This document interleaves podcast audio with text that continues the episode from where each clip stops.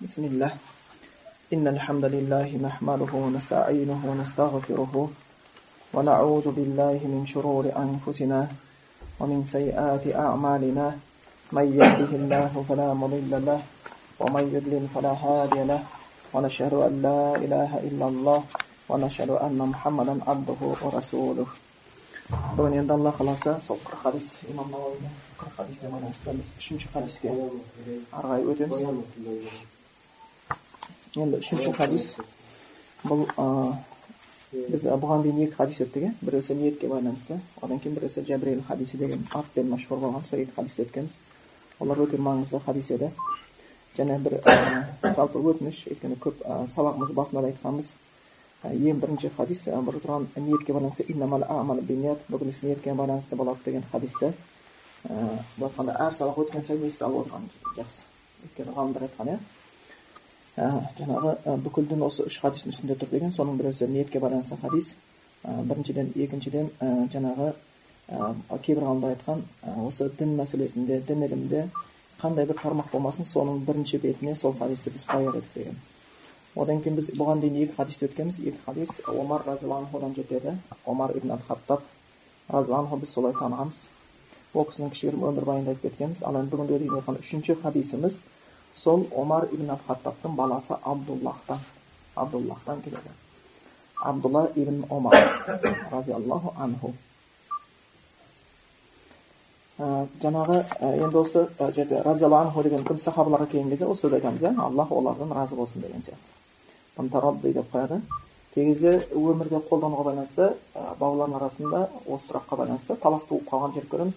Бір біріне алла разы болсын десе жоқ олай деп айта алмайды бұны сахабаларға айтамыз деген сияқты таластар туып қалады иә негізінде бір біріне айтуға рұқсат етіледі. Түсіндіңдер ғой? Бүкіл мұсылман оның мақсаты аллахтың ризалығына жету сондықтан сен соны армандаған нәрсеңе жет деп тілек тілеуге болады. Ал сахабаларға оны шиар ретінде тану үшін қойылған түсіндіңдер ғой?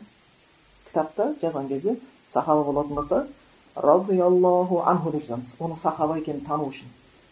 Түсіндіңдер ғой иә иә алла оған разы болсын деген сияқты ал табиғиндарға рахимахуллах алла рахымына бөлесін болмаса табиғиннан кейінгі шыққан ислам ғұламаларына исламға қызметті жаңағы үлкен болған кісілерге рахимахуллах деген атты айтамыз алла мейіріміне бөлесін оны да мұсылмандар бір біріне айта алады алла мейіріміне бөлесін өйткені мұсылмандар оны да іздейді сахабаларға оны анықтау үшін сахаба екенін белгі үшін шиар деп қояды сол үшін қолданады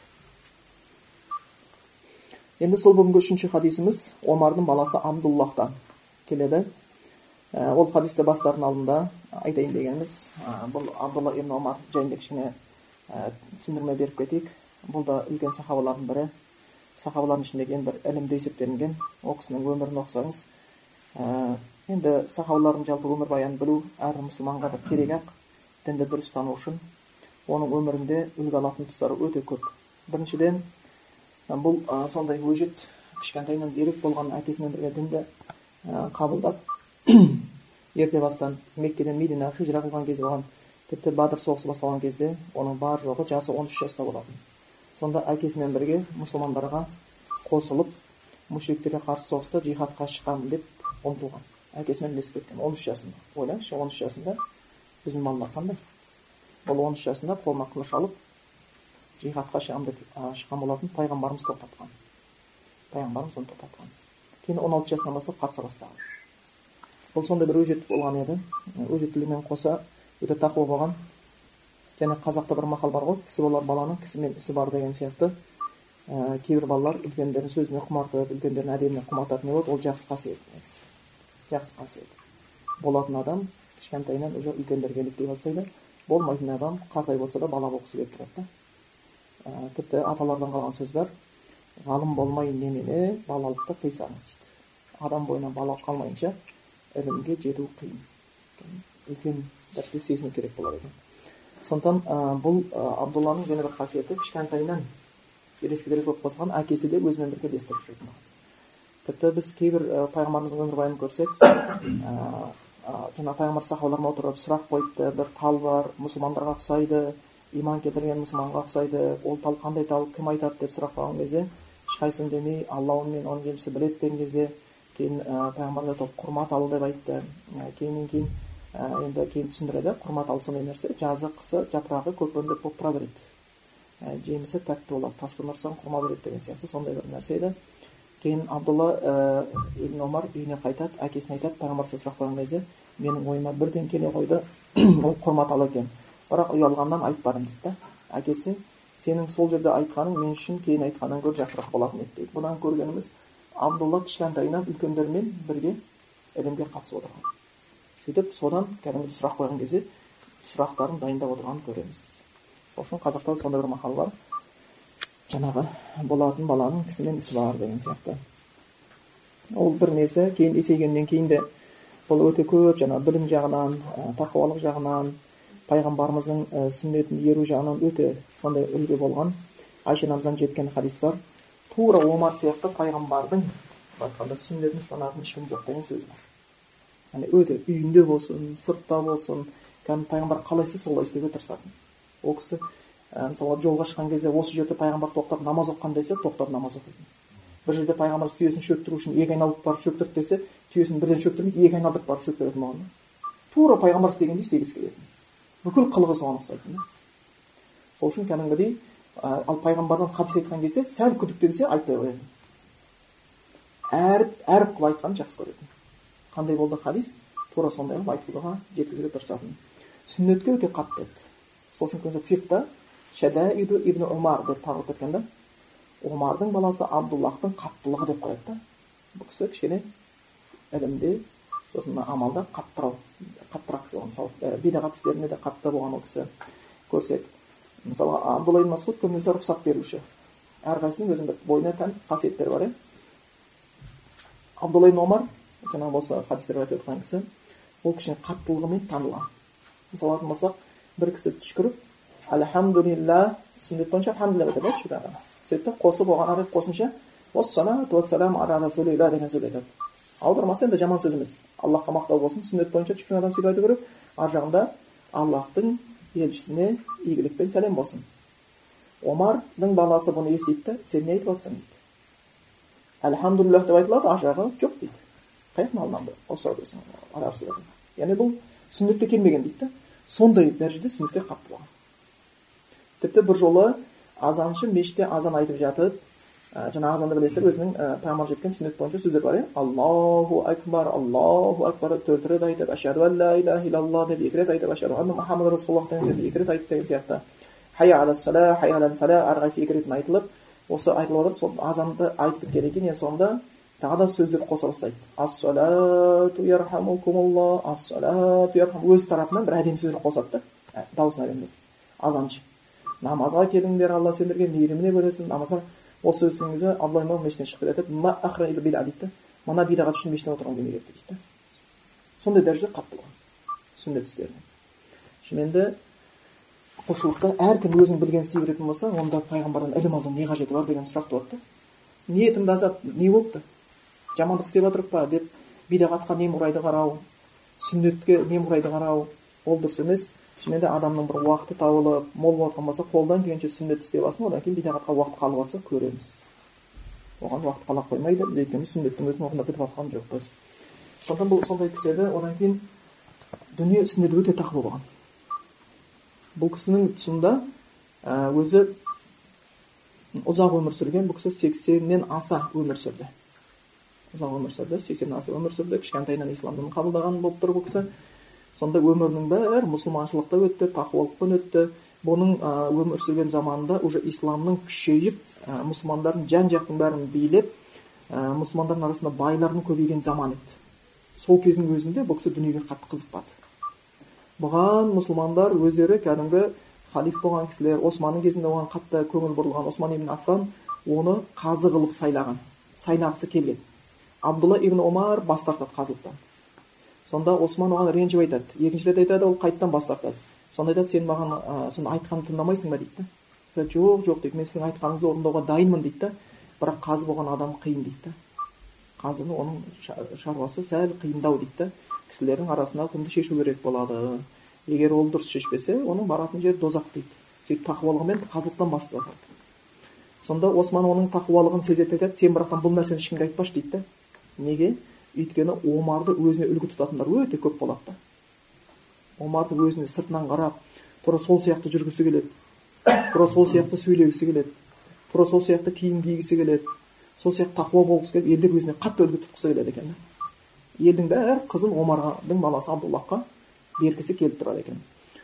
Сондай бір күйде тақуа болған осман енді біледі де айтады сен бұны ешкімге айтпашы қазықтан бас тартқанын ертең дейді сені үлгі тұтамын деп мен қазыға адам қазы болатын адам таппай қаламын дейді. Бәрі.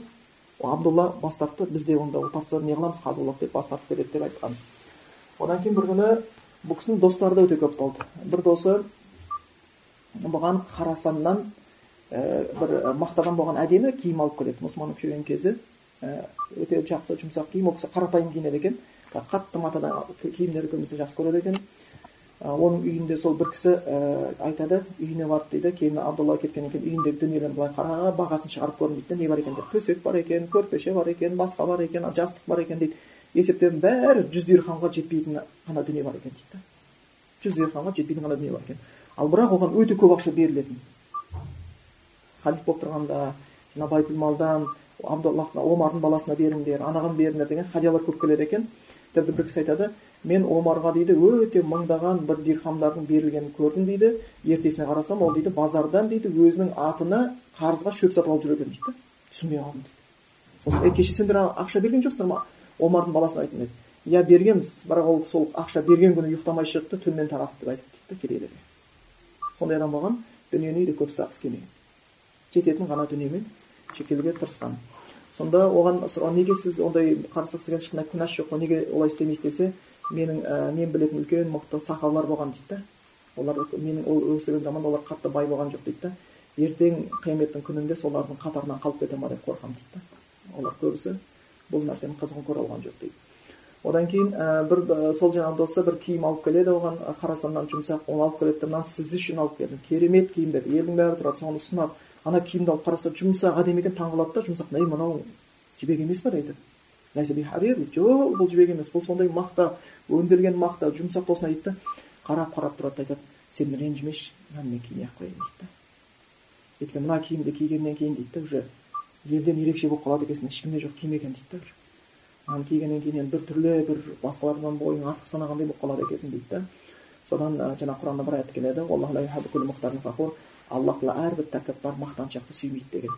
Сен ренжіме деп оны басқа біреуге бер деп киімнен алмаған екен енді бір досы ирактан оған дәрі алып келеді кәдімгі мынау бір керемет дәріде бір ыдыспен алып келеді бұл қандай дәрі бұл сондай дәрі елдің бәрі тапқан бұл не көмек не көмектеді бұл дейді ас қорытуды күшейтеді екен тамақтың қорытылуын жақсартады екен деп береді да сөйтсе абдулла ибн омар күліпті да шейін қатып күліп айтады дейді субханаллах депті қырық жыл болды әлі тойып тамақ жеген жоқпын мен не қорқамын деп айтады жыл болды енді ол тамақ жоқтықтан емес сондай адам екен да қатты тойып жегенді мен мына тойым еткен қырық жыл болды тойып тамақ жеген жоқ мен ас қорыту үшін қандай дәрі алып келіп жүрсің айтады дейді таңқалып бірақ біздің заман қазір екінің бірінің сумкасында тамақ қорытатын дәрі жүреді дұрыс па май неғылмай қалды жүрегіменен өтім көтеріліп кетті деген сияқты ауру астан деп қазақ айтқандай енді біз оны нәрсемізді тия алмаймыз олар бар болып тұр сол нәрсені жоқтықтан өйткен жоқ олар пайғамбарымыз кезінде мүмкін жоқшылық болған шығар бірақ омардың өзінің баласы абдуллахтың өмір сүрген заманында сондай бір жағдайлар болған еді. Сондықтан ол кісінің көп бір айтатын нәрсе жақтары тұстары көп. Және ол кісі өмірінің соңына дейін тәхаджүд намазын жібермеген еш уақытта. Дейді. Сафарда болса да сафарда болмаса да тәхаджүд намазын жіберіп қойған кезі жоқ дейді. Сосын омардың және бір қасиеті дейді. Көп адамдар байқайтын еді дейді. Құран аяттар дозақ аяттар басқаларды естіген кезде әкесі сияқты жылап қалатын әдеті бар еді бір достар келтіреді біз дейді омар абдулла ибн омармен бәріміз бірге отырғанбыз дейді сонда дейді деген сүре оқылды дейді иә тараздан жеушілерге байланысты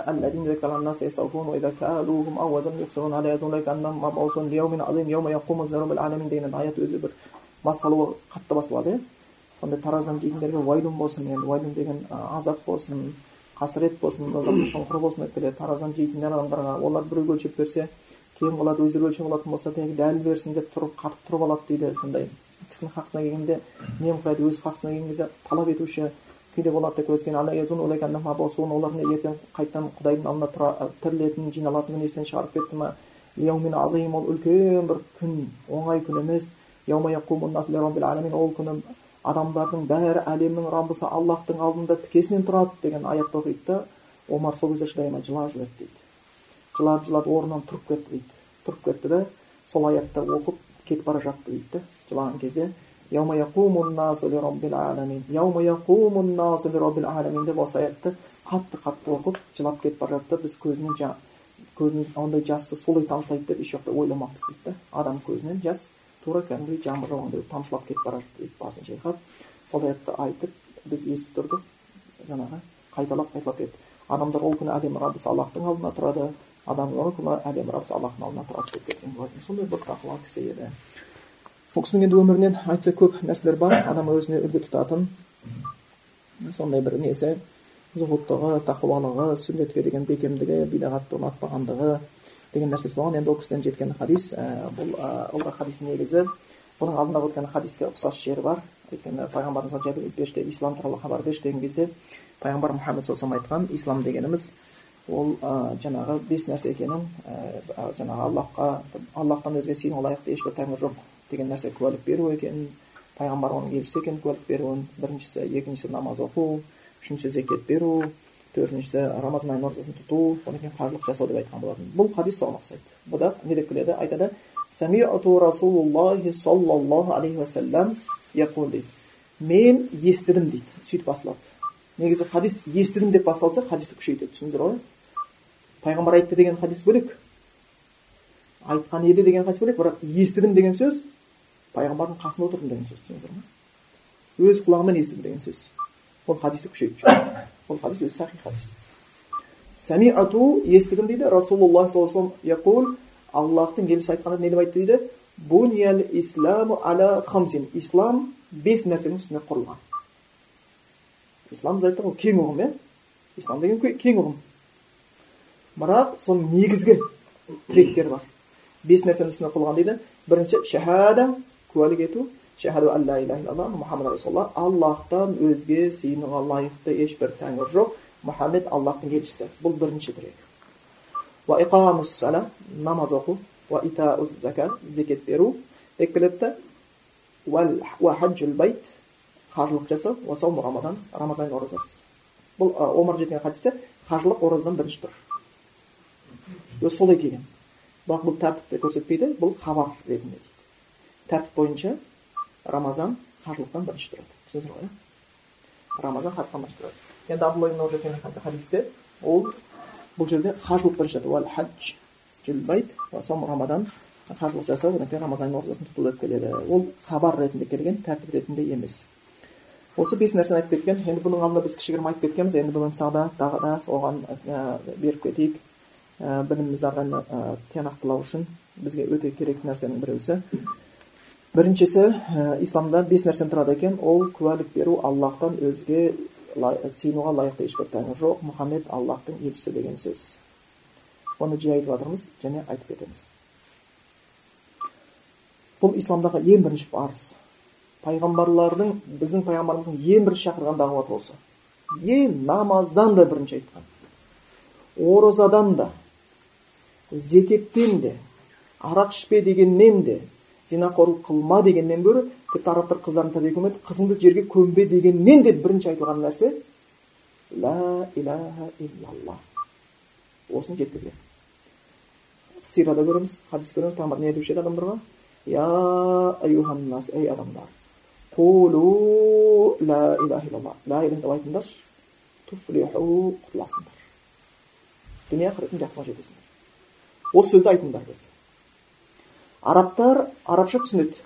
Олар түсінді бұл сөздің мағынасы не екенін олар түсінді бір ғана аллахқа сыйын аллахтан бөлек сыйынба ей христиан исаға сыйынба ей яхуди озайырға сыйынба ей арабтар өлгендерге сыйынба пұттарға сыйынба деген сияқты. Ей жындарға сыйынба деген нәрсе. Әруаққа сыйынба күнге сыйынба отқа сыйынба бір аллахқа сыйын деген сөз. Олар түсінді біреу қабылдады біреулер қарсы қарсы шыққандардың сөзі не болды біздің бүкіл сүйініп жатқан нәрсемізді тастап бір аллахқа сыйын дей ма өкінішке орай біздің кезімізде пайғамбарымыз кезінде арабтың мүшриктері түсінді бірақ айтпай қойды біздің кезімізде айтады бірақ түсінбейді да көрдіңдер айтады бірақ түсінбейді және ең өкініштісі пайғамбарлардың бүкілінің дағуаты осы еді. Түсіндіңдер ғой? Пайғамбарлардың бүкілінің дағуаты осы еді. Ислам дағуаты бірінші осымен басталады. Сенің мұсылман болуың осы сөзді түсінумен басталады. Осы сөзді түсінумен басталады. Бірақ не екені белгісіз? Көп жерде осы дағуат кенже қалған адамдар пайдасыз дағуатқа көңіл бұрған. Түсіндіңдер ғой? Әке шешеңді сыйла дегенді мұсылмандар да айтады христиандар да айтады. Ұрлық жасама дегенді мұсылман да айтады христиан да айтады. Үлкенді сыйла дегенді мұсылман да айтады христиан да айтады. Біреуді кешір дегенді мұсылман да айтады христиан да айтады иә если ударит тебя по правой щеке поставь на левую деген сияқты. Палшыға барма дегенді христиандар да айтады. Білесіздер иә вангаға поптар россияның поптары қандай шешім шығарды? Хабарладың ғой ведьма деді да елдің бәрі жиналып келіп россияның поптарына біз әулиелердің қатарына қосылу үшін шарттар бар екен біздің вангамызды әулиелердің қатарына қосып беріңіздерші тізіміне деп сұраған кезде россияның бүкіл поптары жиналып келіп біраз уақыт зерттеу жүргізіп кешіресіздер ол кезде ешқандай әулиелік қасиет жоқ екен ол ведьма екен деді да христиан дінінің өзінде балшы баруға тыйым салынады түсіндіңдер ғой яғни бұл мәселелер оларда бар ұрлық жасама өтірік айтпа онда не айырмашылық деген сұрақ туады дұрыс па аллах айтып жатыр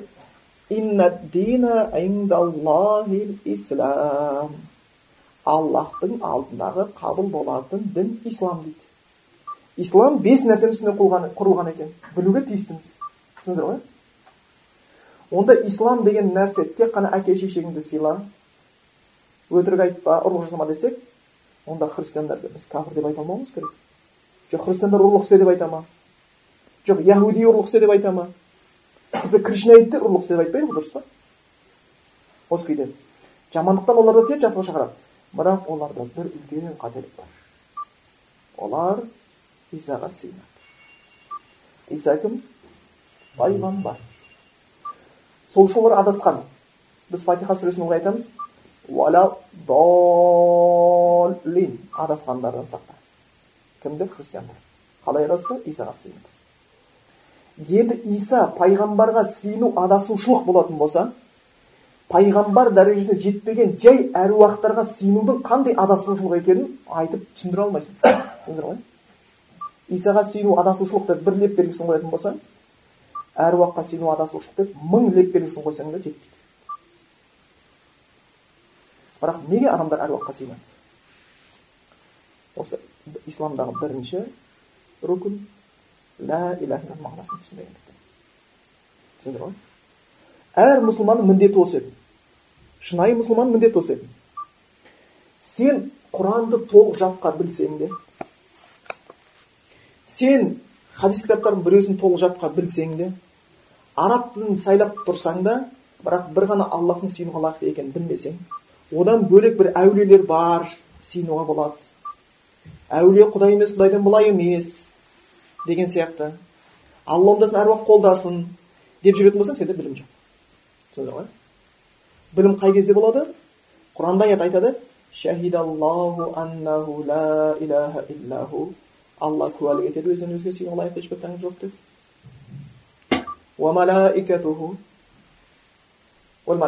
Періштелер. Және ілім егелері дейді ілім егелері қай кезде саған ілім болады аллахтың хақысын білгенде аллахтың хақысы пайғамбардың сахих хадисіне келген жеткен сияқты ол дегеніміз құдайға ғибадат жасау және ештеңе серік қоспау шейа деген еш нәрсені қоспау түсінді ғой ол бір аллахқа сыйыну сонда бұл исламның бірінші міндеті болып келетін еді сондықтан бұны қатты шынымен көңіл бұруымыз керек. Енді осы біз өткен сабағымызда бұл ля иляха мағынасын түсіндіріп айтып кеткенбіз. Бірақ өте өкінішті жағдай. Мен мұсылман болып жүргендердің осының маңызды екенін ұмытқандығы. Осы ұмытқандығы. Біз айттық аллахтың бұйырғаны да осы бүкіл пайғамбарын да шақырғаны осы біздің пайғамбарымызды шақырған осы бәріне дәлелдер бар.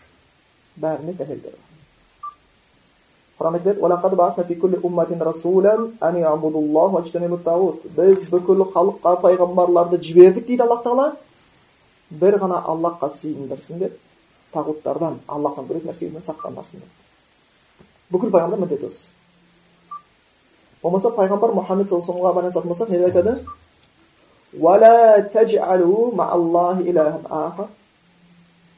деп келеді аллахтан өзге еш нәрсеге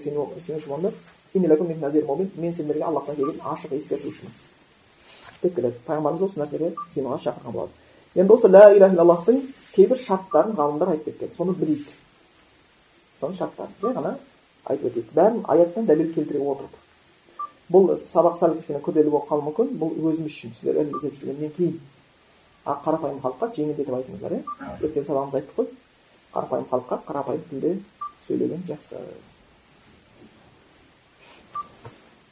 біріншісі лә иляха иллаллах сөзін айту жеткіліксіз мағынасын білу керек түсіндіңдер ғой ислам діні сондай сөйлеп жатқан сөздің мағынасын білуің керексің не айтқанын білуің керексің кришналар сияқты хари хари кришна кришна кришна главное емес главное звучание емес мағынасын білу керек оның мағынасыны білуге байланысты алла құранда айтады фәәләм біл дейді бұйырады фәәләм түбірі ілім ілімін біл дейді да илlallah аллахтан өзге сыйына лайық ешбір тәңір жоқ яғни айтып отырған сөздің мағынасын білуіміз керек екен лә жоқ илаха сыйынатын зат жоқ иллаллах аллахтан бөлек періште де сыйынуға лайықты емес жын да сыйынуға лайықты емес әруақ та сыйынуға лайықты емес ешкім сыйынуға лайықты емес бір ғана аллах сыйынуға лайықты кейбіреулер осы жерде айтып кетейік ертең сіздерге күдік туып қалмау үшін әулиелерге сыйынуға болады деген мұсылмандардың артынан сөйлеп жүрген кейбір кісілерді білеміз.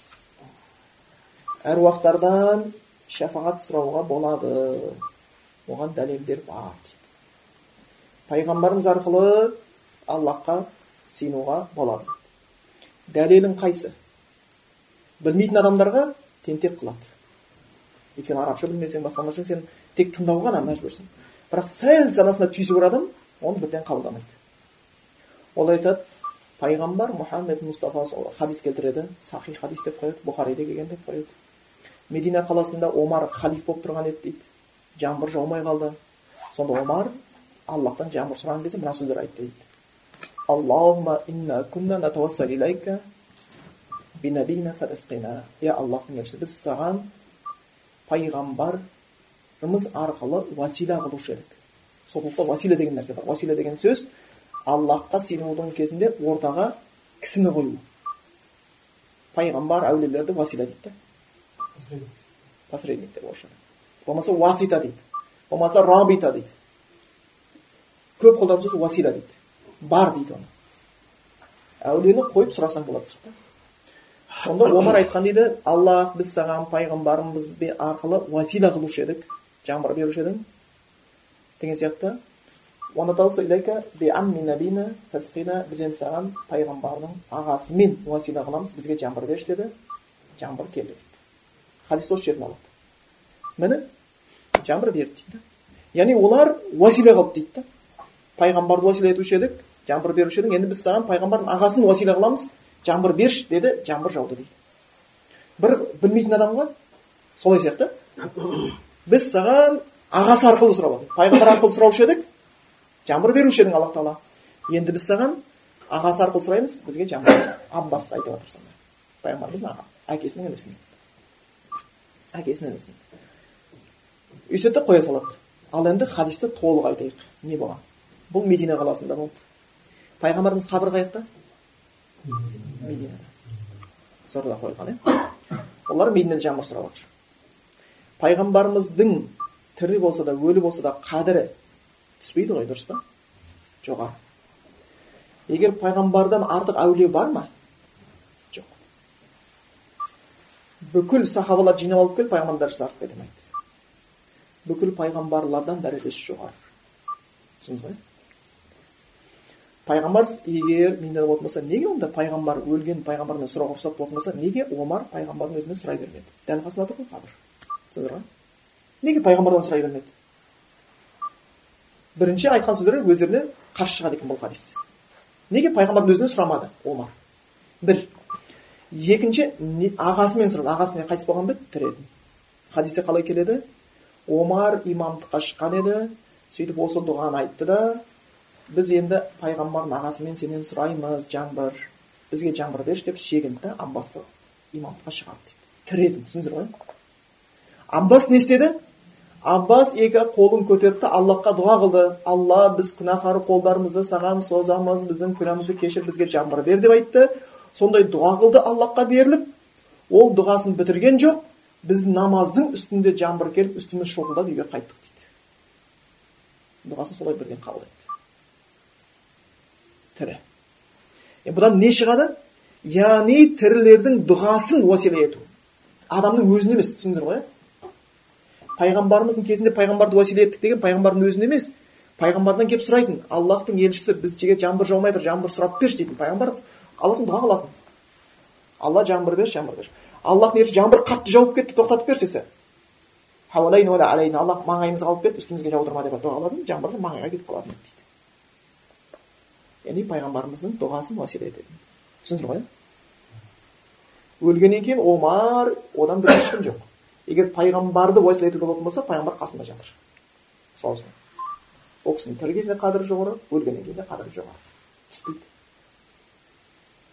ал енді аббас тірі ол дұға сонда бұл жердегі нәрсе өлгендермен әулиемен дұға қылуға болады деген дәлел емес керісінше оларға дәлел тірілердің дұғасымен. Ізгі адамдардың дұғасын уәсила етуге болады. Ол ол уәсила бар. Шариғатта түсіндіңдер ғой. Яғни бір кісіде құдайдан қорыққан адамнан маған бір дұға қылып қойшы балам қатты ауырып ол сол үшін біріншісі ол не керек екен бізге ілімі айтып жатқан сөзінің мағынасын білуіміз керек ол аллахтан өзге сыйынуға лайықты ешбір тәңір жоқ мағынасы айту жеткіліксіз ілімін білуіміз керек оған байланысты жаңағы біз аятта айтып кеттік алла тағала айтып жатыр фәләм ілімін біл аннаху ла иляха иллаллах ла иляха деген сөздің ілімін біл дейді ілімін деген мағынасын білу керек құр айта салмау керек оған байланысты хадистерде бар пайғамбар мұхаммед мұстафа саллаллаху алейхи вассаламнан жеткен хадисте келеді мысалға ман қала ла иляха иллаллах дейді кімде кім ля иляха деген сөзді айтқан болатын болса дейді дейді кім өлген болатын болса және білсе өлген өлгенше дейді аллахтың өзге сыйына лайықты ешбір тәңір жоқ екенін лайықты тәңір жоқ екенін білсе жәннатқа кіреді дейді яғни ля илаханың мағынасын біліп өлсе жәннатқа кіреді түсіндіңіздер ғой яғни аллахтан өзге сыйына лайықты ешбір тәңір жоқтың мағынасын білу керек екіншісі білгеннен кейін сол білген нәрсеңе әл яқин деп келеді айқын сенім болу керек қазақ айқын дейміз ғой ақиқи бір сенім болу керек та күмәнсіз сенім болу керек білгеннен кейін күмәнданбау керек оған байланысты аяттар бар иман келтіргендер дегеніміз нағыз мүминдер олар кімдер аману биллахи аллахқа иман келтіреді уа расулихи оның елшісіне келтіреді одан кейін еш уақытта күмәнданбайды деп келеді екен күмәнданбайды сондықтан айтқаннан кейін күмән болмау керек шынымен аллахтың ғана өзі сыйлайды үшінші шарттардың біреусі әл қабул осы айтқан сөзіңді қабылдауың керек қайтармауың керек пайғамбардың заманында мүшриктер болды білді аллахтың ғана сыйына лайықты екен білді ол сөзінің рас екен бірақ тәкаппарлықпен қырсықтықпен айтпай қойды абу жахилге не пайғамбардың пайғамбар екенін сенбесең білемін ол пайғамбар деді да таң оны білсең неге оған қарсы соғысып жатсыз неге оған қарсы тірлік істеп жатсыз десе біздің ру мен олардың руы жарысып жатқан еді олар зәмзәмнен суаратын біз де суарамыз олардан мынандай жақсы шықты бізден мынандай жақсы шықты енді олардан пайғамбар шықты бізден пайғамбар шықпайды ғой дейді да ол деген мен біздің рудың төмен екенін мойындауым керек деп қалады тәкаппен қалмады тәкаппарлықпен болмаса пайғамбарымыздың ағасы абу талиб білді пайғамбарымыздың хақ екенін өзі айтып кетті мен ешбір күмәнім жоқ пайғамбар яғни балам мұхаммедтің діні дейді не діннің ең абзалы дейді бірақ адамдардың сөзінен көзінен қорқып дінге кірмеді кәпір болып өлді күпірліктің ең басым көпшілігі осы болады екен түсіндіңдер ғой көп адам хақ дінге кірмейді қоғамдық пікірден қорқып көп адамдар солай болады мен қазір мына мұсылмандарға қосылсам мен қазір намаз оқысам ел не дейді мен туралы масқара ғой қабылдамайды сол үшін біліп тұр мұсылмандардың тура жолда екенін бірақ қабылдай алмайды өйткені қоғамдық пікірден қорқады осы үшін де жаңағы абу талиб тозаққа түскендігі туралы аяттар бар сонда нақты білуіміз керек оны қабылдауымыз керек одан кейін әл инқият оны қабылдағаннан кейін еруіміз керек істеуіміз керек талабын яғни бітті аллахқа серік қоспауымыз керек төртінші еру иә иә еру аға айтқанын істеп тастамауымыз керек амалды соған байланысты амалдарды орындауымыз керек ля иляха иллаллахға байланысты амал не бір аллахқа сыйыну аллахтан бөлек нәрсе сыйынуды тастау осыны істеуіміз керек одан кейін сидқ шыншыл болу керек айтқан сөзімізде яғни жүрек пен тіл қатысу керек бірге мұнафиқтар көбінесе тілмен айтады жүрек қатыспайды олар көбінесе жүрегінде жоқ нәрсені айтады дейді ауызбен айтады керемет ой дін деген керемет о жүрек қатыспайды ол да дұрыс емес сол үшін де аталарымыз айтқан сөз бар алла деген сөз жеңіл аллаға ауыз жол емес ынталы жүрек шын көңіл өзгесі хаққа қол емес дейді пайдасы жоқ абай атамыздың айтқан әл махабба жақсы көру аллахты сүю керек мүмкін емес. Аллахты сүймеу сүймесең сол үшін ғалымдар айтады біз дейді адамдардың аллахты сүйгеніне таңқалмаймыз дейді да қалай сүйбесін дейді да одағы бүкіл жақсылықтың иесі аллах тағала болса дейді да адам қылып жаратса жұтатын ауасын берсе бала шаға берсе көретін көз берсе жұтатын ауа берсе айтқанда бәрі не нәрсесі аллахтан болған қалай оны жақсы көрмейді дейді өмірде біреу оған жақсылық қылса дейді да соны жақсы көріп жүрсін дейді да ал аллахтың істеген жақсылығын ешкім істей алмайды дейді. Сонда адамдың дейді аллахты жақсы көргені таңқалдырмайды дейді. Бірақ аллахтың адамды жақсы көретіні таңқалдырады дейді өйткені аллах бізге мұқтаж емес дейді. Бірақ аллах кімді жақсы көреді? Дінімен жүргендерді өзіне серік қоспағандарды хақысын орындағандарды хақысы аллахқа ғибадат жасау оған серік қоспау. Соның бірі аллахты сүю. Сол үшін құр ә, тілмен сүйдім деу жеткіліксіз. Аллахты сүйеміз ғой алла бар ғой жүрегіміз таза ғой ниетіміз дұрыс қой деген сөз. Мен қуып кете алмаймыз. Сол үшін не деп айтады ғалымдар сүйем дейсің алланы тыйылмастан күнәдан былай жалған сөйлер ме раббысына сырадан шын болса егер махаббат жүрегіңе орнаған жасар едің құлшылық құдай ойлаған дейді. Дұрыс па? Махаббаттың үш белгісі бар. Бірінші белгісі мына өмірдің өзін алып қарайық. Сен біреуді жақсы көрсең сол адамның сөзі саған басқаның сөзінен жоғары тұрады. Дұрыс па? Жақсы көретін адамның сөзі сен үшін басқа адамның сөзінен жоғары тұрады. Бірінші белгісі махаббаттың екінші белгісі махаббаттың жақсы көретін адаммен бірге болу саған басқалармен бірге болғаннан гөрі артығырақ ұнайды. Уақыт тапсаң сонымен бірге отырғың келеді сонымен бірге шай ішкің келеді сонымен бірге сөйлескің келеді. Үшіншісі жақсы көрген адамның айтқанын істеу басқаның айтқанын істегеннен жақсы көресің. Жақсы көретін адам бір нәрсе жұмыс болды иншалла деп оған басты шұғыл болып жүгіресің. Басқа біреу айтса сылтау айтуы мүмкін. Бұл адамның арасындағы махаббат ал аллахты жақсы көремін деген кезде аллахтың сөзі саған адамзат баласының сөзінен артық болу керек. Алла намаз оқы деді біреу намаз оқыма деді болды ал намаз оқисың өйткені сен аллахты жақсы көресің аллахпен бірге болу басқалармен бірге болу саған қатты ұнайды намаз уақыты келіп қалған кезде аллахтың алдында тұрып намаз оқып деген ол саған ал құран оқып аллахпен бірге болу саған басқалармен болғаннан қатты ұнайды сағынасың сен намазды құран оқығанды сағынасың сен сен аллахқа жалбарынғанды сағынасың күнәлар үшін кешірім сұрағанды сағынасың кәдімгі шын сүйсең сағынасың нәрсені үшінші аллахтың айтқанын істеу басқаның айтқанын істеген саған қатты ұнайды сондықтан аллахтың сүйгім деген нәрсе аллахтың айтқан болады екен одан кейін ықылас болу керек ықылас дегеніміз бір аллахқа ғана сол сөз айтқаннан кейін жүректе болды басқа нәрсеге бір серік қосушылық болмау керек екен осы шарттары жаңағы илаха мағынасы дұрыс болу үшін енді мұхаммад расулаллах деген сөздің мағынасы дұрыс болу үшін оған байланысты шарттар бар иә біз бұны алдында айтып кеткенбіз оған да кішкене тоқталып кетейік жалпы мұхаммед пайғамбар саллаллаху аты ол кісі танылған және басқа да болған ахмад ол да мұхаммад деген түбірі бір мақтауға лайықты деген сөз мушриктер бірақ пайғамбарымызды жек не музаммам деп жамандайтын иә музаммам мұхаммад деген антонио музаммам деген мұхаммад мақтауға лайықты кісі музаммам жамандауға лайықты кісі деген сөз мушриктер пайғамбарымызды жек көріп музаммам сөйлеген кезде мұхаммад деп сөйлемейді ана музаммам не істеп жатыр музаммам намаз оқып отыр ма музаммам тағы не айтып жүр деген сөз айтатын сонда пайғамбар таң қалатын да субханаллах дейді. Да аллах тағала дейді да олардың дейді жамандықтарын менен алып кетті дейді. Да олар мен емес дейді ол музаммам деген біреуді жамандап жүр дейді. Да мен емес дейді. Да музаммам деп ал оған.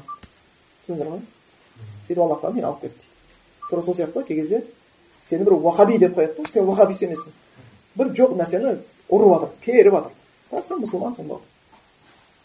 Дәлелсіз айта салады. Қазір сондай заман болды ғой сәл ұнатпай қалса сәл жақпай қалсаң уахабист не үшін десең дәлелдеп беремін өтіріктен басқа сол үшін пайғамбар мұхаммад саллаллаху алейhi иман келтіргеннен кейін оның өзінің бір кейбір шарттары бар.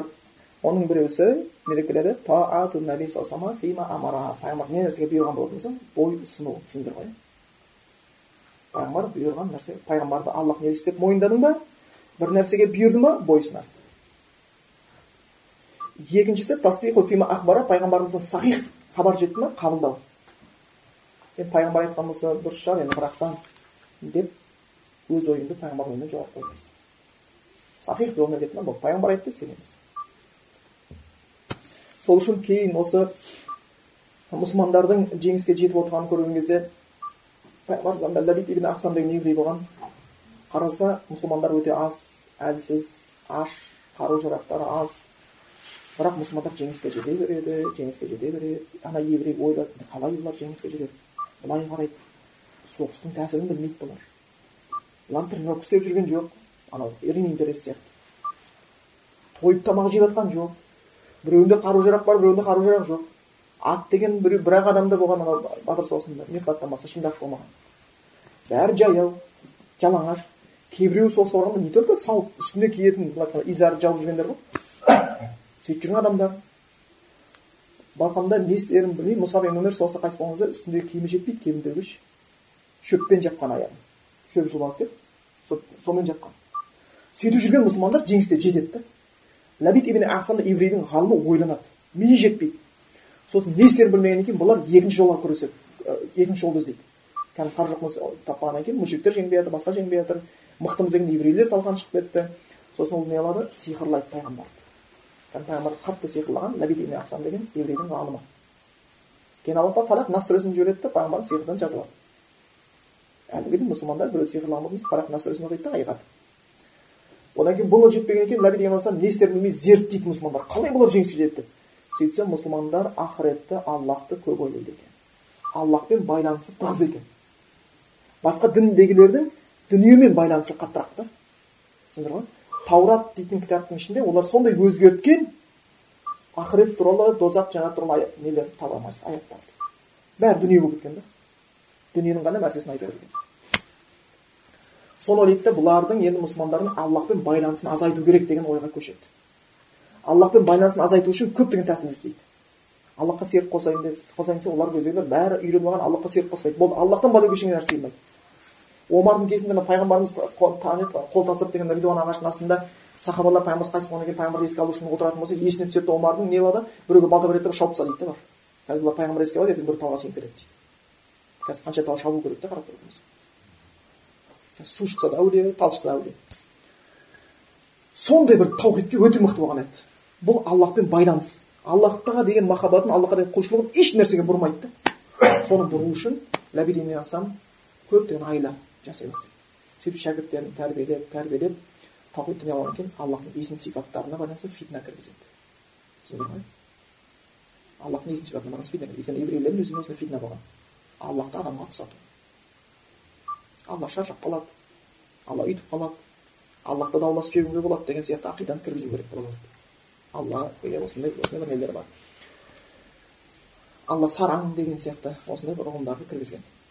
Соны мұсылмандарға жайлап кіргізу керек болады вот бір уақытта жетпейді жайлап жайлап үйретеді кейін ол нәрсені жад ибн дирхам деген кісі ала бастайды жад ибн дирхам кейін өзі әхлі сүннат күшті емес соның басын шауып тастайды мұсылмандар кейін оның шәкірті жахм ибн сафуан бастайды жахм ибн сафуан бұны айтып жатқанымыз не үшін пайғамбардан сахих хадис келді ма бітті қабылда талдамайсың сода ақылға сыймайды бұл қалай болады деген әңгіме жоқ түсіндіңіздер ғой пайғамбар айтты болды сенің хақың жоқ біздікі қабылдау сонда жахми ибн сауфан мысалы абдулла ибн масудтан жеткен хадисті қалай қайтарған ибн масудтан масудтан бұл хадис келген соның ішінде шыншыл аллахтан расталған аллахтың жеткен хадисте не деп айтады?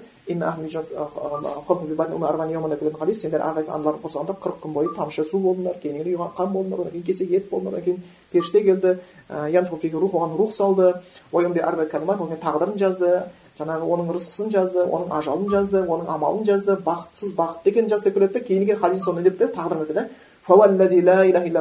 өзінен өзге сенің ешбір тәңір жоқ аллахпен ант етейін деді пайғамбар саллаллаху сендердің біреулерің жәннаттың ісін істеп жүреді жәннат пен ол адам арасында бір ақ аттам жер қалады зира деген мына бір ақ шындық бір аттаса жәннатқа кірейін деп тұр дейді да өмір бойы жәннаттың ісін істеп жүреді да жәннатқа кірейін деп тұрған кезде тағдыр орын алады да не қылады тозақтың ісін істеп келеді тозаққа кетеді дейді және біреулер болады өмір бойы тозақтың істеп жүреді де бір аттанған кезде тағдыр орындалады да ол не жәннаттың ісіне жәннатқа кіріп адамдар болады. Бұл тағдырға байланысты. Алла осы тағдырды олар жахми қадарийлер олар тағдыр жоққа шығарған өйткені олар тағдырды ақылмен ойлағысы келеді да түсіндіңіздер ғой? Аллахтың бүкіл ілімін өздері түсініп алғысы келіп тұр. Сөйтіп келді да ол не деп айтты? Жахми сол хадисті оқып отырып айтты. Ей бұл хадисті жеткізу иснат деген бар хадис жеткізген адамдар болады бұл хадис ағмаштан риуаят етілген ағмаш зейттен естіген зейд ә, абдулла масудтан естіген абдулла масуд пайғамбарымыздан естіген бұл хадисті. Сонда не деп айтады? Егер бұл хадисті ағмаш айтты десе маған дейді да мен оны өтірікші деймін дейді ол өтірікші айтып жатыр дейді бұл хадисті зейд айтты десе екінші адам дейді ол не дейді? Мен оны қайтарып тастаймын дейді егер бұны дейді абдулла масуд айтты десе оны шындыққа шығарып растамаймын мойындамаймын дейді бұны пайғамбар айтты десе мақабилту қабылдамаймын дейді қабылдамай хадис егер бұны алла айтты десе өйткені бұл хадис аллахтың тағдыры ғой алла айтты десе дейді аллахқа айтамын дейді ей алла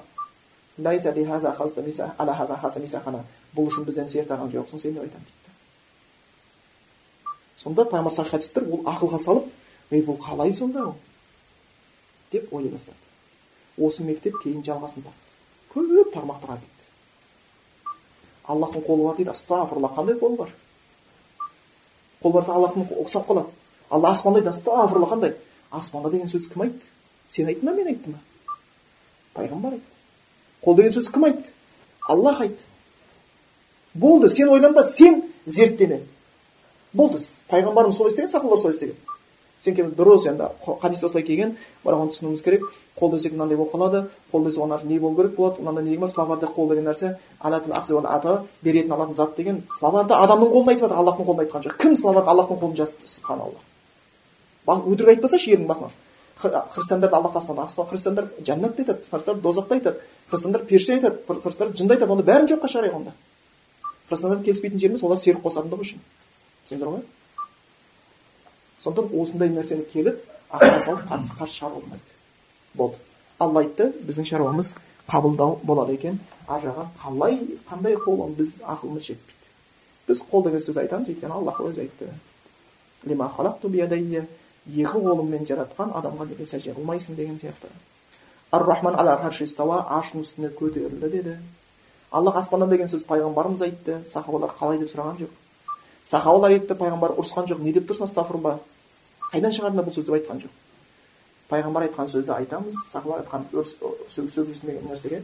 Біз сөгіс істейміз деп ойламаймыз. Сондықтан өзіміздің тар ақылымызға салып бұны шешеміз деп ойлау ақымақтық болады. Пайғамбардан жетті қабылдаймыз. Аннаби пайғамбар қайтарған нәрсесінен қайту керек. Мынаны істеме деді істемейміз. Қайт деді қайтамыз. Оған аятта бар иә не нәрсеге алла тағала сендерге бұйырған болатын болса берген болса алыңдар да неден қайтарса қайтыңдар болды бұл пайғамбарды пайғамбар ретінде мойындаған адамның шаруасы осы пайғамбарды пайғамбар ретінде мойындаған адамның шаруасы осы пайғамбарды түзеймін деп ойлау қиын енді пайғамбар біздің заманда өмір сүрген кезде ол сақалын жылтыратып алып кәсім шалбар киіп галстук тағып алатын еді сен қайдан білесің сен қайдан білесің ондай болады. Пайғамбар саллаллаху діні қияметтің күніне дейін түсіндіңіздер ма құран қияметтің күніне дейін жауап бере алады. Егер қоғам діни бір ұғымдарды сіңіре алмай жатқан болса бұл діннің кемшілігі емес. Бұл адамдардың кемшілігі. Түсіндіңдер ғой дінде кемшілік жоқ. Адамдар әбден сондай саналары теріс айналған қабылдай алмай қалған дұрыс пен бұрысты ажырататын дәрежеден ажырап қалған.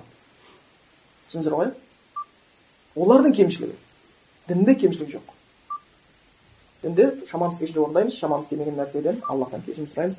Төртіншісі пайғамбарға байланысты ерекше ойлағанда аллах тағалаға пайғамбар көрсеткендей қылып құлшылық ету пайғамбар үйреткендей құлшылық жасау оған байланысты көптеген аяттар бар хадистер бар. Пайғамбар хадисінде келеді. Кімде кім бір құлшылықтың түрін істесе бір амал істесе ол амалға құраннан дәлел болмаса хадистен дәлел болмаса құдай қабылдамайды түсіндіңіздер ғой ісіміз қабыл болу үшін бірінші аллах үшін шын ниетпен ықыласпен істену керек екінші пайғамбар үйреткендей істеу керек пайғамбар мұхаммед саллаллаху өзі құдайға қалай құлшылық істеу керектігін білген жоқ аллах үйретпейінше осында болмаңыздар бұндай істен шығармаңыздар сол үшін құранда келген сені біз адасқан күйде таптық дұрыс жол салдық деп аллах пайғамбарға айтқан адасқанда таухидтен адасқан жоқ пайғамбар аллахтың бар екенін біліп тұр аллахқа серік қосуға болмайтынын біліп тұр. Құлшылық істегісі келді құлшылықтың түрін іздеді да таудың басына шығып үңгірге барып солай ғибадат жасады. Аллах тағала о сен үңгірде жатқан ғибадатың дұрыс екен деп айтқан жоқ. Одан кейін де пайғамбар үңгірге барып тұрды ма? Одан кейін өмірінде жоқ. Үңгірге бару сүннет па? Сүннет емес. Одан кейін аллах тағала қалай дәрет алу керектігін пайғамбарға үйретті. Қалай намаз оқу керектігін пайғамбарға үйретті. Қай уақытта намазды оқу керектігін пайғамбарға үйретті. Пайғамбар бізге үйретті. Пайғамбарымыздың сүннеті пайғамбардың өздігінен шығарған ойлары емес түсіндіңіздер ғой? Пайғамбар мұхаммед саллаллаху вассалам дінге өз тарапынан ештеңе қосқан жоқ. Құранда келеді уама пайғамбар өзімен сөйлеген жоқ. Пайғамбар сөйлегеннің бәрі құран болсын хадистен болсын аллахтан келген хабар. Түсіндіңіздер ғой? Абдулла ибн амр ибн ас деген сахаба болған. Бұл мықты жазатын болған. Әби хурайра айтады менен хадисті көп жетіған ешкім жоқ тек қана абдулла ибн амр ибн астан басқа өйткені ол жазып жүретін дейді. Жазғанның пайдасы. Ол пайғамбар жазуды білетін еді пайғамбардың қасына келсе болды жаза бастайтын. Келсе болды жаза бастайтын. Бұл өзі қызық сахаба. Бұның әкесі 11 жаста үйленген 13 жасында баласы туған. Сол 13 жаста туған бала да жазып жүретін. Бір күні құрайыштың үлкендері келіп айтады оған ей абдулла сені қарасақ дейді осы пайғамбардың қасында отырсың пайғамбар бір сөз сөйлесе жазып қоясың бір сөз жазып қоясың бәрін жаза бересің енді ол да адам баласы ғой ашуланып қалады басқа болады сол кезде бір басқа сөз айтып қалуы мүмкін сен оны неге бәрін жаза бересің сосын абдулла ойланып қалады да пайғамбар айтады маған адамдар осылай деп айтып жатыр дейді сонда пайғамбар айтады жаным қолымда аллахпен ант етейін дейді да менің мына аузымнан дейді ақиқаттан басқа ештеңе шықпайды жаз дейді жаз дейді түсіндіңіздер ғой? Сонда пайғамбарымыздың былай айтқанда өзінің ештеңе жоқ бұл діннің өзінде пайғамбар құлшылық істеу үшін аллах үйретті бізге пайғамбарымыз үйретті. Сол үшін намаз кезінде айтады намазды менің намаз оқығанымды көргендей оқыңдар. Қажылықты менен көріп орындаңдар деген сияқты пайғамбар саллаллаху бізге үйретіп кеткен болатын. Бұл пайғамбарға иман келтірдік дегеннен кейінгі бір міндетіміз. Ол не нәрсе болып табылады екен? Аллахқа пайғамбар үйреткендей құлшылық істеуіміз керек болып табылады екен одан кейін бұл жердегі ә, екінші бір рүкіні намаз оқу деп келеді ол құр оқу емес жаңағы иқама деген тұрғызу деп айтты өткенде түсіндірдім иә сіздерге намаз оқуда оқығанда не деп келеді намаз оқиды деп салатын тұрғызу мысалы өткенде айттық бір ыдыс болатын болса стакан стакан былай жатқызып қойсаң да стакан жата береді бірақ стакан тұрғызып қойсаң ол стакан ол тұрып тұрады намазды қалай болып солай емес тұрғызып оқы дейді түсіндіңдер ма яғни тұрғызып оқу деген сөз уақытысында оқу дәретіне ықтият болу ықыласқа ықтият болу осы айтқанда әуретіңді дұрыс жабылуы немқұрайды болмау деген сияқты осы күйде осының бәрі дұрыс оқудың қатарына кіреді асықпай оқу тау жем шоққандай сияқты болмаса түлкі аңдығанда басын жалтақ жалтақ қылып емес деген сияқты бос нәрсеге әуестенбей деген сияқты шын ықыласпен оқу соны иқамат бұл өте маңызды. Бұны да намаз жайында біз көп айтқанбыз. Енді қазір біз уақытымызды кішкене үнемдеуге байланысты қатты ұзаққа созбайық деп отырмыз. Намаз адам балағаттық жасына толған бастап парыз сылтау жоқ. Оқымау дегенге сылтау жоқ. Оқымайтын адамдар бар. Ақылы бүтін емес жындылар. Болмаса әйелдердің бір ерекше жағдайлары хайз нифас кезінде намаз оқымауға болады. Қалған адамдардың бәрі намаз оқу керек. Соғыста жүрсің ба намаз оқисың. Ауырып жатырсың ба намаз оқисың. Қартайсың ба намаз оқисың. Намаз оқымайды деген нәрсе жоқ. Қазіргі адамдар сылтау айтуы мүмкін. Қол тимей жатыр ниетіміз дұрыс енді бір күн бастаймыз ғой біз оқып бұның бәрі сылтау. Бірақ ертең кеудеден жан шыққан мезетте айтатын сөздері алла қайтаршы намаз оқимын кеш болады. Кеш болады. Намаз оқымау былай тұрсын құран дейді. Сондай бір адамдар бар дозаққа түседі дейді. Ол адамдар қандай адамдар? Уайденің бір мағынасы дозақ иә тозаққа шоңқыр оның көп мағынасы бар хәлак деген сияқты азап деген сияқты. Тозаққа түседі деп келеді. Ол адамдар намазды немқұрайды оқитындар. Бірде оқып бірде тастап деген сияқты ұмытып жинап өйтіп оқитындар. Тозаққа түседі деп отыр. Онда намаз оқымаған адамның жағдайы не болады? Ол ойлаудың өзі қорқынышты. Пайғамбар мұхаммед мұстафа саллаллаху бір жорықта сахабалар дәрет алады дәрет алғанда бәрі дәрет алып алған кезде бір сахабаның өкшесінде құрғақ жер қалып кетеді дәрет алғаннан пайғамбар мұхаммед мұстафа саллаллаху оған айтады су тимеген өкше тозақта жанады деп екі рет не үш рет қайталайды бұл сахих хадис дәрет алып жатыр дәрет алып жүрген адамның өкшесінде сәл ғана бір құрғақ жер қалып еді сол су тимеген жер тозаққа жанады деп жатыр ал өмірі ғұсылдың не екенін білмей өмірі дәреттің не екенін білмей адамдардың бүкіл денесі тозақ жанып кетуі қаупі бар. Мұсылман адамдар ішінде дейді тозаққа түсетіндер болады алла сақтасын түсірмей ақ қойсын. Бірақ мұсылман адамның ішінде тозаққа түскендер болатын болса тозақ дейді оның дәрет алғандағы сәжде қылғандағы жерлерін от күйдірмейді екен. Маңдай алақан табан тізе деген нәрселер отта күйдірмейді. Намаздың бір несі тозаққа түсіп отырған бірақтан қолдан келсе тозаққа түспеуге тырысуымыз керек екен. Зекет беру зекет бұл айтып кеттік байлардың малдарынан кедейлерге берілетін үлес иә пақыр міскін мұқтаж болған сияқты. Оның өзінің несап бар. Зекет малдардан беріледі сиыр қой ешкі түйе деген сияқты. Зекет алтын күміс ақшадан беріледі деген сияқты. Зекет дегеніміз сауда заттарынан беріледі. Зекет дегеніміз жерден шығатын өнімдерден беріледі.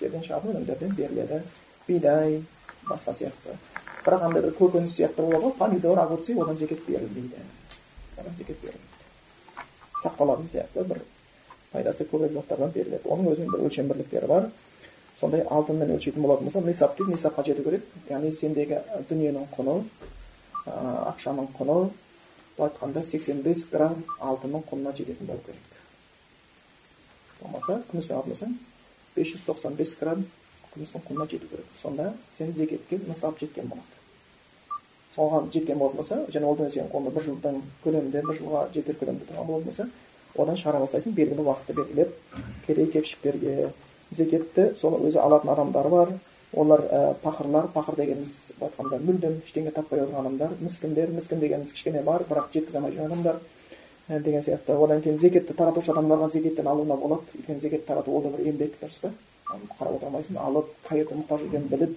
апарып шаршап терлеп тепшіп бензинін құйып жүрген болатын болса оларға зекеттен үлес алуға рұқсат етілген одан кейін келеді жүректерін жұмсарту үшін мысалға басқа дін өкілдерінде мысалға дінге осыған қазір біз сыйлық жасасақ дінге кішкене бері қарап қалады ау деген ой болатын болса дағуат тәртібінде оған да зекет беруге болады бірақ ханафи мазхабында бұны алып тастаған өйткені ислам діні күшейді біреудің жүрегін жұмсартуға мұқтаж емеспіз дейді.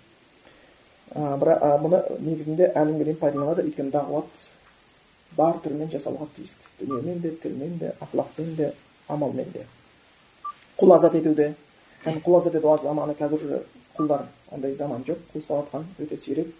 Бірақ кейбір ғалымдар айтады егер бір мұсылман адам жазықсыз түрмеге түскен болатын болса оны азат ету үшін оған зекет жұмсауға болады дегендер де бар. Одан кейін қарызға батқандар да зекет беруге болады қарыздан құтылу үшін. Болмаса аллах жолында зекет беруге болады дін тарату мақсатында. Болмаса жолда қалып кеткендерге зекет беруге болады екен. Оның өзінің өлшем малдан да қырық қой болатын болса бір қой деген сияқты сиырдың түйенің әрқайсысының өзінің зекет өлшем бірліктері бар. Ораза. Ораза бұл рамазан айында парыз етіледі айына бір рет. Рамазан айының өзі ә, ораза тұту айды көрумен басталады. Құранда келген кімде кім сендерден айды көрсе ораза тұтсын дейді сол үшін көбінесе сүннетке жақынырақ болады айды көріп барып тұту енді бізде амал есептей салатын болды бір жылға бұрын иә бірақ айды көріп барып тұту құран аятына сәйкесірек сол үшін кейбір дінді қатысатын мемлекеттер әлі күнге дейін есебінің бәрі бар болса да олар сүннетке сәйкес болу үшін ғалымдарды қойып сол айды адам қояды бір адам айды көрген болатын болса да әйел болса да соның несіменен сөзімен ораза тұта беруге болады екен. Ол кей кезде отыз күн кей кезде жиырма тоғыз күн де болып қалуы мүмкін. Өйткені авторда сол кейін қазақта да бар. он төрт күн толады он төрт күн солады. Екі күн өл арасы болмаса бір күн өл арасы болып қалады. Сонда не отыз күн бір ай деп аталған содан түсіндіңдер ғой? бір ай дегеніміз толу солу ғайып болу соны бір ай дейді. Аспандағы аймен есептелген болып табылады екен. Сол оразаның үкімдерін басқасын біліп не оразаны нені қандай ниетті қай кезде істеу керек парызы қайсысы оразаны бұзатын нәрсе қайсысы деген сол нәрсені білу керек оразаның сыйлығы өте жоғары деп айттық ораза тұтқан адамдарға жаман сөзден жаман істен аулақ болу керек құр тамақты қарынды аш қылу емес оразаның мақсаты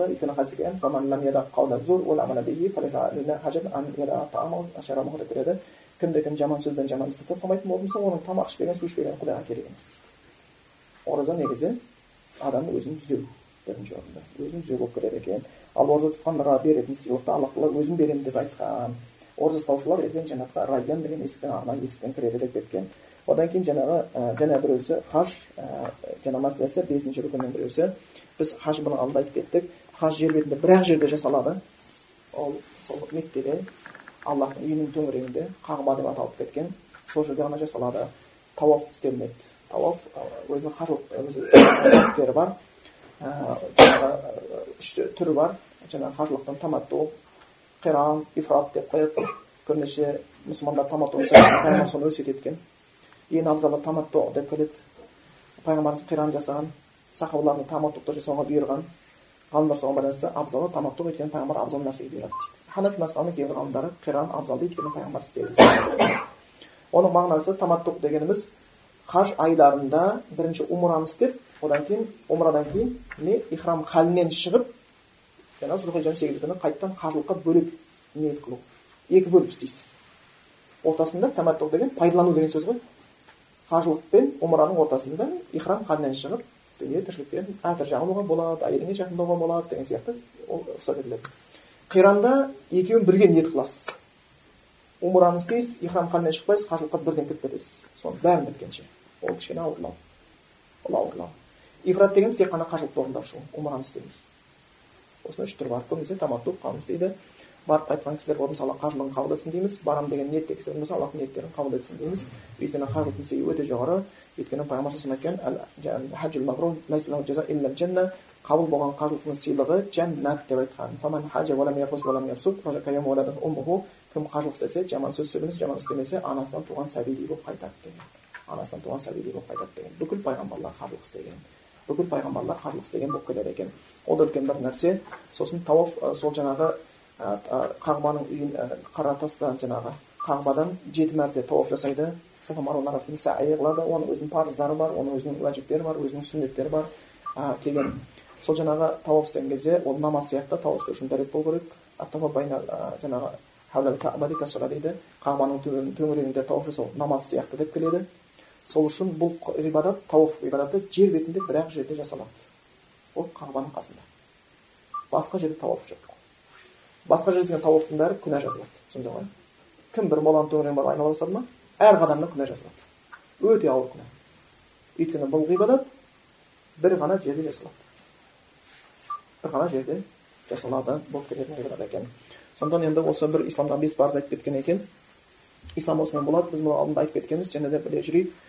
Ілім алу ілім исламдағы ең бірінші парыздардың біреусі аллах соны бізге бұйырған ілім алғаннан кейін оны елге жайлап жеткізуіміз керек қолымыздан келгенше сауатты түрде аллахтан дұға қылуымыз керек өйткені алла құранда не деп айтты пайғамбарға не деп айтуды бұйырды құл айт бұл менің жолым әду илалла аллахқа шақырамын шақырамын ала басиратин дәлелдерменен білімменен көргендікпенен әна мен және маған ергендер деп айтты кім ергендер бізді айтып отыр яғни не істейді олар дәлелмен аллахтың жолына шақырады бір істі айтты ма артында аят тұр бір істі айтты ма артында пайғамбардан хадис тұр ойдан ниетім дұрыс бәрі дұрыс деген сияқты дінді өзінің ата бабаңның жекеменшігі сияқты сөйлеуге болмайды жекеменшігі ретінде сөйлей беруге болмайды әр нәрсені болатын болмайтын нәрсе бір нәрсені харам деу үшін дәлел керек бір нәрсені халал деу үшін дәлел керек болады сол үшін біз айтамыз мұсылманбыз деп айтамыз бұны қандай айтқанымыз иә мұсылманбыз деп айтқаннан кейін оны дәлел білуге тиістіміз біреу қазір айтатын болса мен хирургпын десе бірақ медицинадан ешқандай хабар жоқ болатын болса далбасалапсың дейміз. Яки болмаса біреу айтатын болса мен инженермін десе бірақтан техникадан ешқандай хабар жоқ болатын болса далбасалапсың дейміз. Біреу мен электрикпін десе бірақ өмірі қолына лампочка ұстап көрмеген болатын болса далбай салапсың дейміз. Электрикте лампочка салып берсе қолда электрик деген документ бар бірақ лампочка сала алмайды. Далбай салапсың дейді сол сияқты мен мұсылманмын деп қоямыз. Жақсы исламда қанша парыз бар? Айта алмасақ істеп жүрмесек далбасалап жатырмыз да. Далбасалап жатырмыз сол үшін аллахтың бізден сұрайтын нәрсесі қиын емес. Аллах айтты аллах тағала адамдарға шамасы келмейтін нәрсені жүктеген жоқ. Біреу қазір қолын тимей жатыр бәрі өтірік бәрі өтірік. Ар жағында шайтан жібермей жатыр ар жағында нәпсің жібермей жатыр ана бір көңіл алып алдап жатсың болды. Болмаса құдайды өтірік шығып жатсың мен намаз оқитын едім бірақ құдай сондай бір нәрсе беріп қойыпты мен істей алмайтын нәрсені неге ол мен шамам келмейтін нәрсені берген деген сияқты әңгіме тәкаппарлық аллах айтады шамаң келмейтін нәрсені жүктеген жоқпын дейді шамаң келмейтін нәрсені жүктеген жоқпын дейді сол үшін құранда бақара сүресінде келген сияқты мынандай адамдардың қатарында болып қалмау керек. Біреулер раббана айтады раббым деп аллахқа сенеді дейді ей раббым дейді да бірақ оның сол сенгендегі бүкіл құдайға сенген иманы дүние хасана дүниеде ғана жақсылық бер дейді ақырет керек емес оған болды аллах айтады ақыретте ештеңе болмайды өйткені не сұрады соны береміз дейді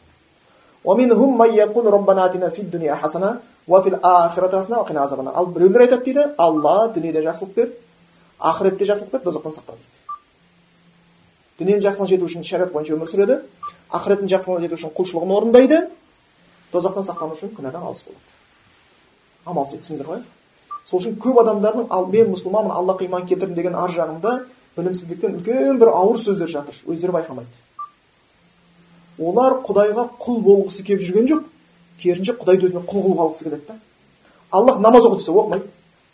Ораза тұтса тұтпайды. Зекет берсе бермейді. Бірақ аллахтан сұрай аллахты айтқанын істеткісі келеді өздері аллахтың айтқанын істегісі келмейді. Бірақ аллахқа өздерінің қалағанын істеткісі келеді да. Алла балам ауырмасын машинам дөңгелегі жарылып қалмасын. Келесі жылы бұдан да бай болып кетейін. Мен бүгін қырыққа толдым ертең елуге толайын.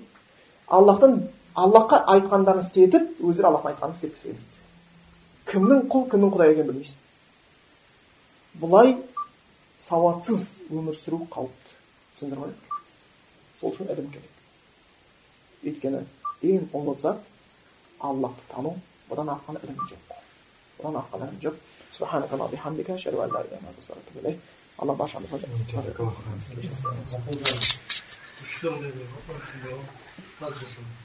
аха қажылықпын ба жақсы